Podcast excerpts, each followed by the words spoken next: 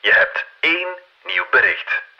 Hey Kaya, het is Nick. Ik kom net terug van het internationale showcase festival Eurosonic en daar heeft er mij nog eens met de neus op de feiten gedrukt dat er echt wel veel meer is dan wat er in onze voornamelijk Engelstalige hitlijsten staat. Ik ben Kaya Verbeke en van de Standaard is dit Radar, je wekelijkse cultuurpodcast. Radar. Radar. Radar. Radar.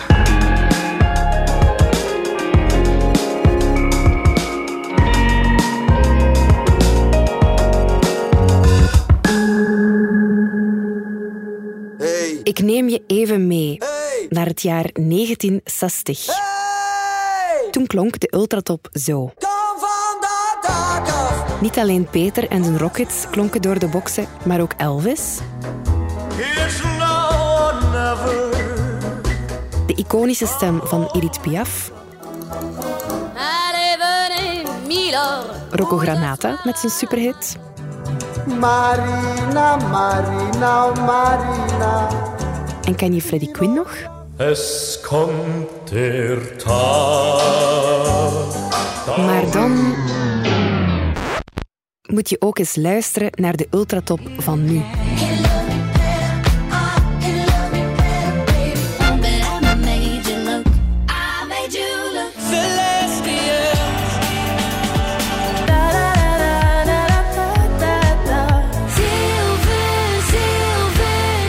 Miley Cyrus, Megan Trainor, Ed Sheeran, Maan en Goldband, Pommelien Thijs. Valt er je iets op? Wel, 60 jaar geleden vond je in onze hitlijsten regelmatig Italiaanse, Franse en Duitse liedjes. Nu overheerst het Engels en bot je soms eens op Nederlandstalige muziek. Hoe komt dat? Waarom hebben we plots geen oor meer voor muziek en français en auf Deutsch? We vragen het aan muziekredacteur Nick Deleu. Welkom bij Radar. Radar.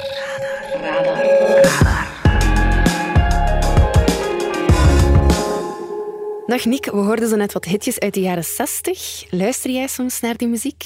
Het is niet dat ik eh, echt actief op zoek ga naar muziek uit de jaren 60, nee. En anderstalige muziek? Dat dan weer wel. Ik hou op Spotify een, eh, een playlistje bij waar ik probeer om wat muziek te verzamelen die niet in het Engels gezongen is. Omdat ja, het Engels is zo alomtegenwoordig Ja. in, eh, in de popmuziek, dat ik het op zich wel waardevol vind om eh, me op die manier een beetje bij te spijkeren. En het is ook goedkoper dan een Duolingo-abonnement om eh, die talenknobbel bij te schaven. Ja, functioneel ook nog. We zijn dus in de ultratop van de jaren 60 gedoken en wat ons opviel is dat er vaak in andere talen werd gezongen. Welke talen domineerden de hitlijsten toen, zo in de jaren 50, 60? Ze klonken inderdaad wel diverser, maar ver- vergis je niet, het Engels was daar ook wel al zeer sterk aanwezig. In de jaren 50, 60 was ongeveer de helft van de songs die in de 100 best verkopende nummers van het jaar stonden in Vlaanderen. Ongeveer de helft daarvan was al in het Engels gezongen. Dus Ah ja, ook toen was het al vrij dominant. Maar ja, de helft Engels, dat laat wel nog vrij veel ruimte over Mhm. voor andere dingen. Ongeveer een, een kwart van de nummers toen waren Vlaamse songs. Eh, zeker in de jaren 60 was dat vooral Wiltura, die daar heel, eh, ja, voor een heel groot deel van zijn rekening nam. Maar ook de Franse bijvoorbeeld, die namen in die periode zo'n 10 à 20 procent van die jaarlijst in. Dat was dan met mensen zoals, zoals Jolly Halliday.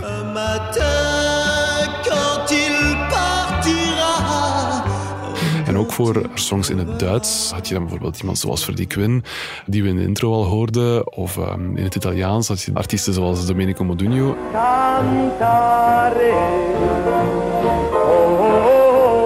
En die droegen ook altijd wel een vijftal procent van die jaarlijst van 100 nummers bij. Ja.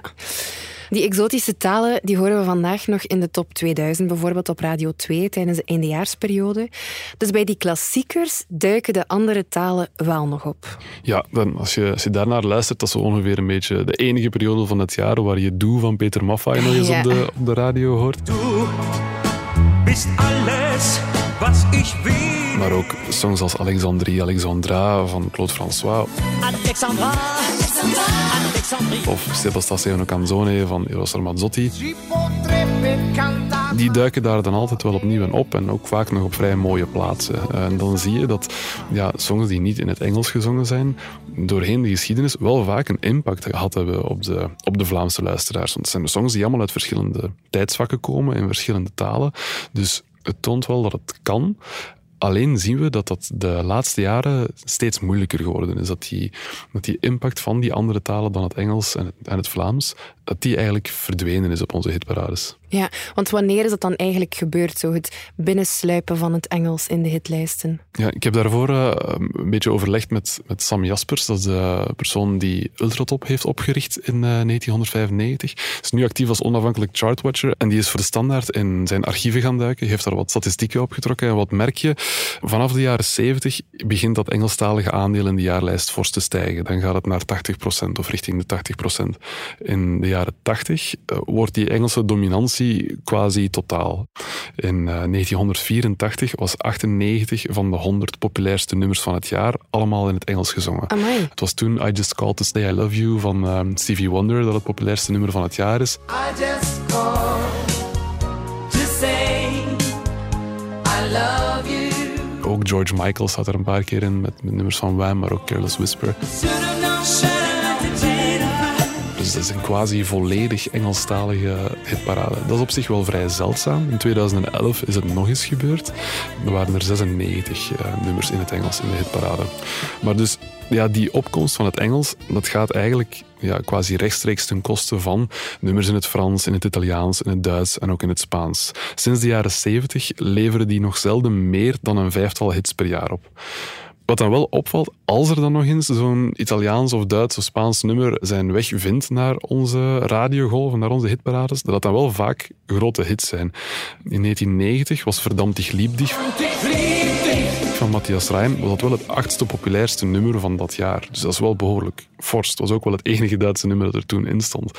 La Solitudine van Laura Pausini was het vierde populairste nummer van het jaar in 1994. Canto a Galicia van Julio Iglesias was in 72 zelfs het allerpopulairste nummer van het jaar. Dus weinig andere talen, maar die scoren dan wel heel goed.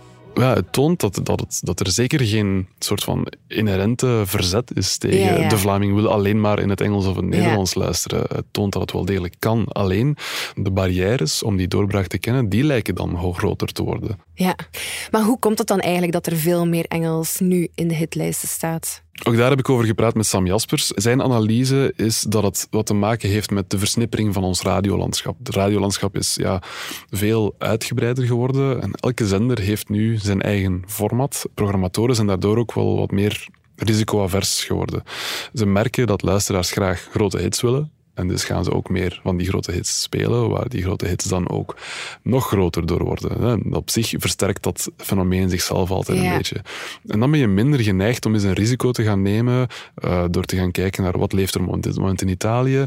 Oké, daar is dat nummer populair. We zullen het in Vlaanderen ook eens een kans geven. Dus ze weten dat Engelstalige popmuziek werkt, dus geven ze meer van dat. Ja, dat Engelstalige popmuziek werkt. Ook daarvoor moet je alleen maar naar de, naar de geschiedenis kijken. Hè. Eh, die trend waarover we spreken is al veel langer aan de gang. Maar dus zelfs in het begin, al de helft van de hitparade was in het Engels. Ook het feit dat we veel meer media consumeren in het Engels. MTV was een ding. Dan kijken we natuurlijk ook naar Films, iets, ook naar films, cultuur. series. Ja. De meeste cultuur die we consumeren komt uit het Verenigd Koninkrijk of de Verenigde Staten. Ja. Dus die twee landen, ook omdat Engels een zoveel toegankelijker taal is voor veel mensen hier, Mhm. hebben natuurlijk een voordeel. Ja, het aantal Vlamingen dat Italiaans verstaat, is natuurlijk veel kleiner dan het aantal Vlamingen dat wat Engels verstaat. Ja, oké, dus dat waren de jaren 70 en 80. Dan komen we bij de jaren 90. Ik heb die heel bewust meegemaakt en ik herinner mij toch dat er ook heel veel Nederlandstalige muziek was. Ja, dat valt samen met de lancering van VTM, 1989. En wat merk je dan op het moment dat die om te zien gelanceerd wordt?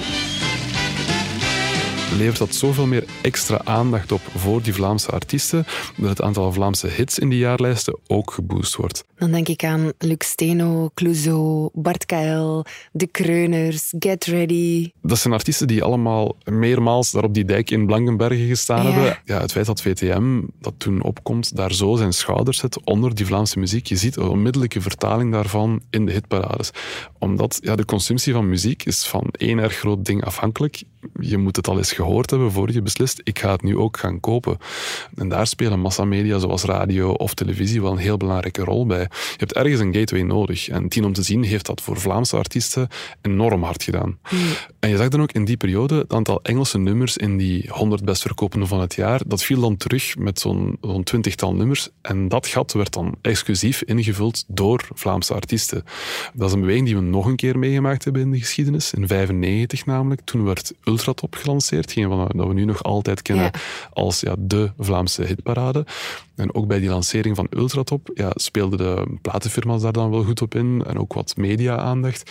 Mensen zetten die Vlaamse artiesten toen ook weer heel goed in de markt. Internationale platenfirma's waren daar minder goed op voorbereid. En ook toen zag je weer een terugval van zo'n 20 nummers van de Engelse nummers in die hitparade, die ook weer ingevuld werd door vooral Vlaamse artiesten.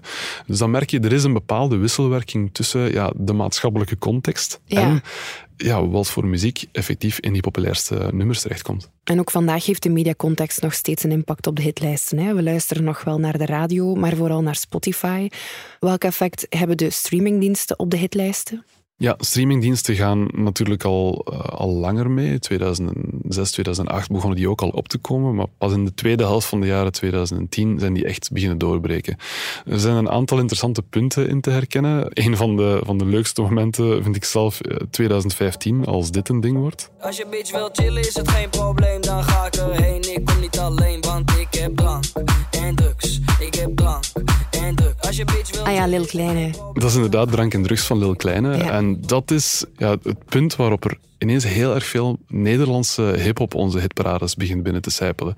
Later krijg je ook nog, nog rappers zoals Busy bijvoorbeeld. Doe het voor me, doe het laag. Een van de dingen die daarbij meespeelt is, Spotify is eigenlijk veel sneller groot geworden in Nederland.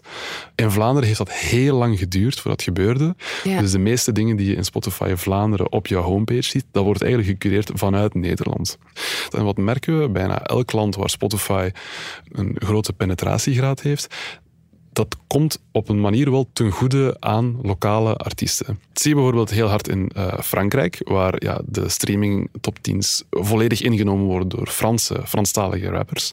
Eh, maar ook in Nederland, waar die Nederlandstalige rappers en dan nu een tweede golf van popartiesten ook echt wel hun plaats kunnen verwerven hebben in die streamingarchitectuur. En dat is daar zo populair en wordt daar zo goed uitgebouwd dat dat ook begint door te sijpelen in de Vlaamse hitparades. En dan zie je dat sindsdien dat er altijd wel een 8 à 9 Nederlandstalige nummers in die top 100 staan ja, van Vlaanderen. En een ander interessant moment voor andere talen in onze hitparades komt dan in 2017 met dit nummer.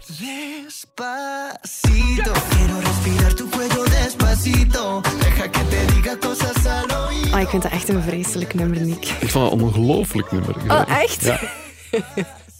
Ehm, Despacito. Maar dus Despacito is ook een heel belangrijk moment geweest de jongste jaren in de popindustrie, want dat is een beetje het punt waarop Spaanstalige muziek Ja. plots veel meer begon door te breken. Ook in Amerikaanse hitparades was dat echt een uitzonderlijk succesvol nummer. Het gebeurde quasi nooit dat, dat Spaanstalige muziek in Amerika hoog stond in de hitparades, ondanks de aanwezigheid van een, een grote Spaanstalige bevolking wel, met de, met de Hispano-bevolking daar.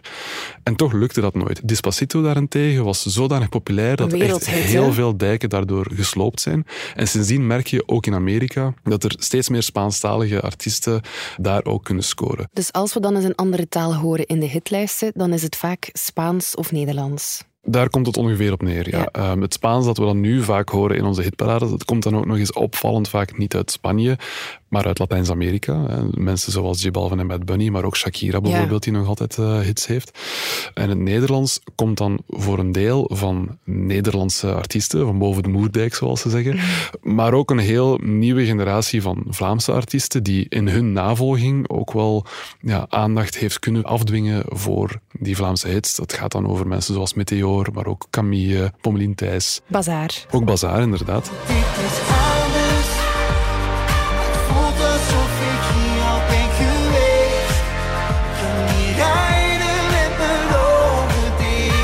Als je naar andere talen gaat kijken, dan is het echt een zeldzaamheid geworden. Portugees bijvoorbeeld komt er nog heel af en toe eens in voor. Ai, se eu te pego, ai, ai, se eu te pego, hein? Ook een gigantische hit, hè? Maar dat is natuurlijk een Braziliaan. Eh, Ja. Dus ook daar is dat weer het Latijns-Amerikaanse dat meespeelt. Maar dus dat komt maar heel zelden eens voor. Of als Salvador Sobral het eh, Songfestival wint bijvoorbeeld, dan komt dat ook nog wel eens voor. Ehm, en Frans, als je daarnaar gaat kijken, ja, op een bepaald moment was er een zekere, een echt een significante aanwezigheid van Frans in onze hitlijst. We hadden het daarnet over 10 à 20 procent van de hitlijst. De jongste jaren, als je gaat kijken naar hoeveel Franse singles staan er nog in die 100 best verkoopte van het jaar, dan zit je eigenlijk met Stromae, Angel of ietsje daarvoor nog Axel Red. Het gaat dan altijd over Belgische artiesten die in het Frans zingen. En zelfs daar is het vrij beperkt. Maar echt heel grote Franse hits van Fransmannen of van Franse vrouwen komen nog amper terecht in onze hitparades. De laatste die het, eh, die het nog geflikt heeft was denk ik Aya Nakamura. Oh. En als je dan gaat kijken naar Duits en Italiaans, hè, toch ook landen waar we in België wel een band mee hebben, dan wordt het nog schrijnender. Het laatste Duitse nummer in de top 100 was dit nummer. Nein, ich will noch nicht gehen. Ich will noch ein bisschen tanzen. Maar dat is al heel lang geleden, toch? Dat is Nine Man van Lasercraft 3D en dat is een nummer uit 2010. Sindsdien is er eigenlijk niet echt meer een Duits nummer echt een hit geworden in onze hitparades. En naast die Duitse muziek is ook Italiaanse muziek quasi volledig uit onze hitparades verdwenen. Ja, sinds 2006 heeft er eigenlijk maar één Italiaans nummer meer in onze hitparades gestaan en dat was in 2021 Maneskin met City Boy.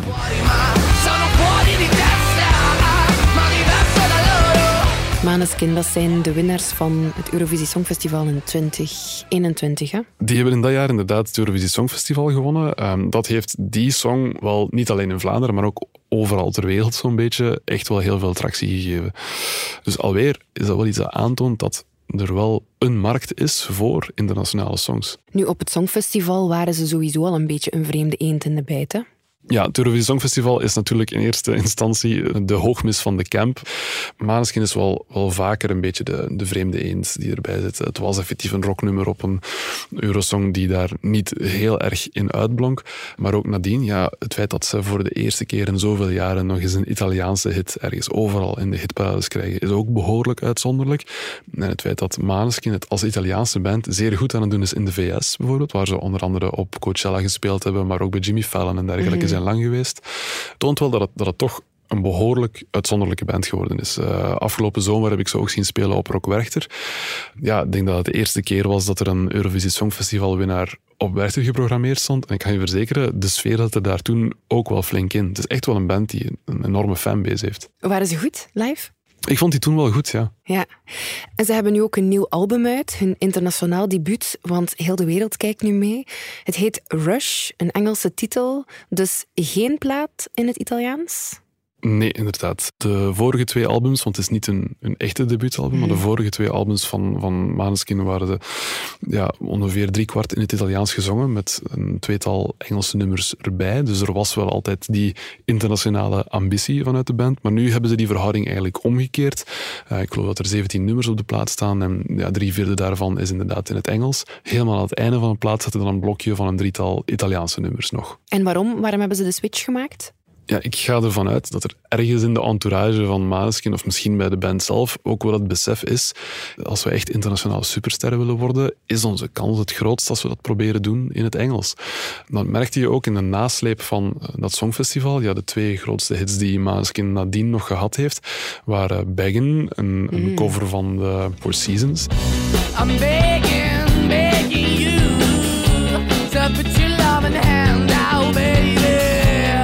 I Wanna Be Your Slave was het andere. Dat was een nummer dat effectief op hun eigen plaats stond. Ze waren Engelse nummers. Dus dat moet ook wel ergens de indicatie gegeven hebben van als we echt heel erg groot zullen willen worden, dan is onze kans het grootst in het Engels. Dat merk je ook als je gaat kijken naar de credits van dat album. De namen die je daar ziet opduiken, dat zijn dezelfde namen die opduiken op de albums van Justin Bieber of Britney Spears of. Selena Gomez. Het zijn echt de hitmakers eh, van het moment eigenlijk. Dat gaat dan over mensen zoals Max Martin of Justin Tranter.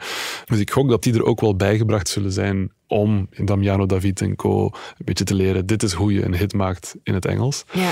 En dat is momenteel wel wat aan het werken. Ik denk dat de Gossip het eh, behoorlijk goed doet. En eh, The Loneliest staat nu ook in onze ultratop.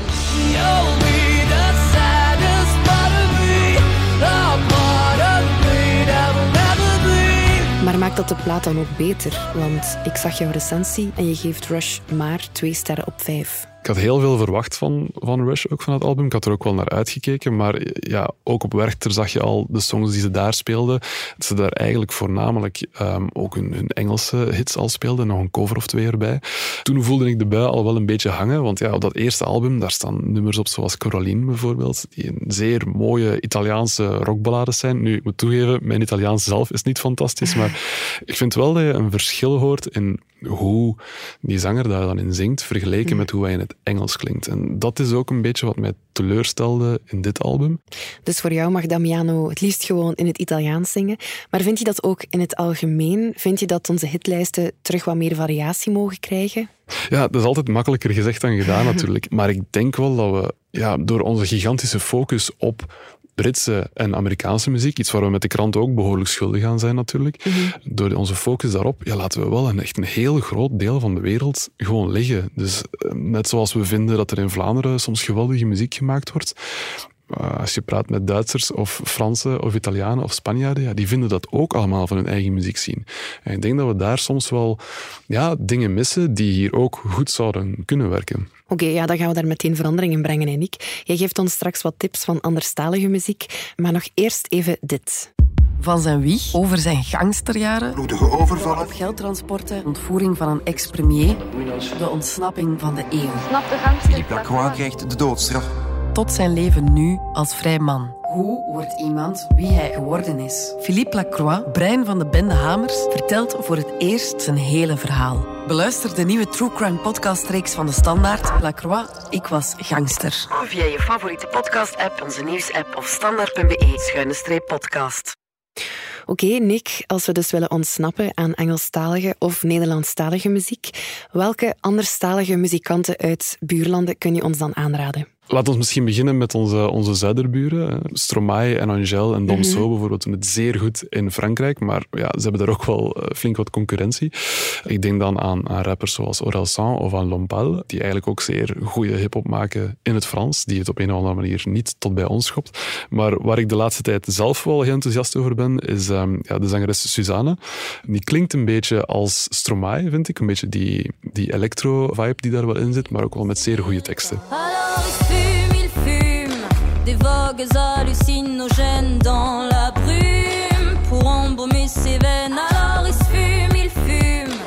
Stel dat je meer terug wil naar, eh, naar de Italiaanse songs, dan kan ik om te beginnen de Italiaanse songs die aan het einde van Rush van het Maneskin-album staan, dus kan ik die wel aanraden. Ja. Maar kom ik ook wel terecht bij nog een andere Eurovisie Songfestival-kandidaat van een tijdje geleden. Die, eh, zijn naam is Mahmoud. Die toen werd een paar jaar geleden tweede op het Eurovisie Songfestival met het geweldige nummer Soldi.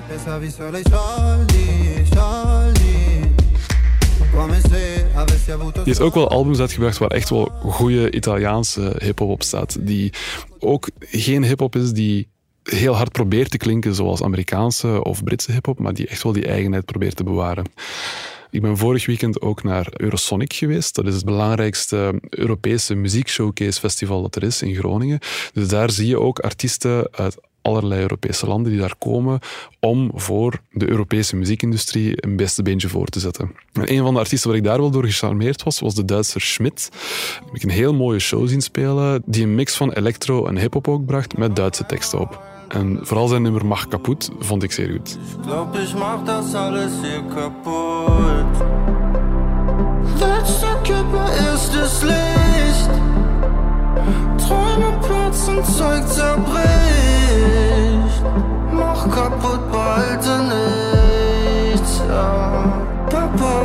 stolz auf mich Oké, top. Dan maak ik daar straks op Spotify een playlistje van. Dankjewel, Nick. Graag gedaan. En ik heb hier nog een extra cultuurtip voor jou.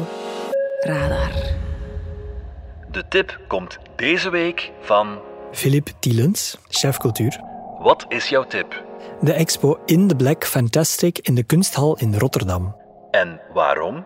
Het is een heel verbeeldingsrijke expo die oorspronkelijk uit Londen komt, nu in Nederland is neergestreken. En het werk toont van elf kunstenaars uit de Afrikaanse diaspora, die op een heel kleurrijke manier met een grenzeloze verbeelding uh, werk maken rond thema's als racisme, decolonisatie. Maar het is een feest voor de zintuigen. Het gaat van de soundsuits van Nick Cave, niet de muzikant, maar de kunstenaar, tot grote ruiterstambeelden, tot een zwarte Odysseus, een animatiefilm ook van Kara Walker. Je komt ogen tekort. Het is echt de moeite om naar Rotterdam af te zakken. De expo In the Black Fantastic loopt nog tot 10 april in de Kunsthal in Rotterdam. Bedankt voor jouw bijdrage. Radar. Radar. Radar. Zo, dat was Radar, de wekelijkse cultuurpodcast van de Standaard. Alle credits vind je op standaard.be-podcast. Bedankt voor het luisteren en uh, tot volgende week. Hè.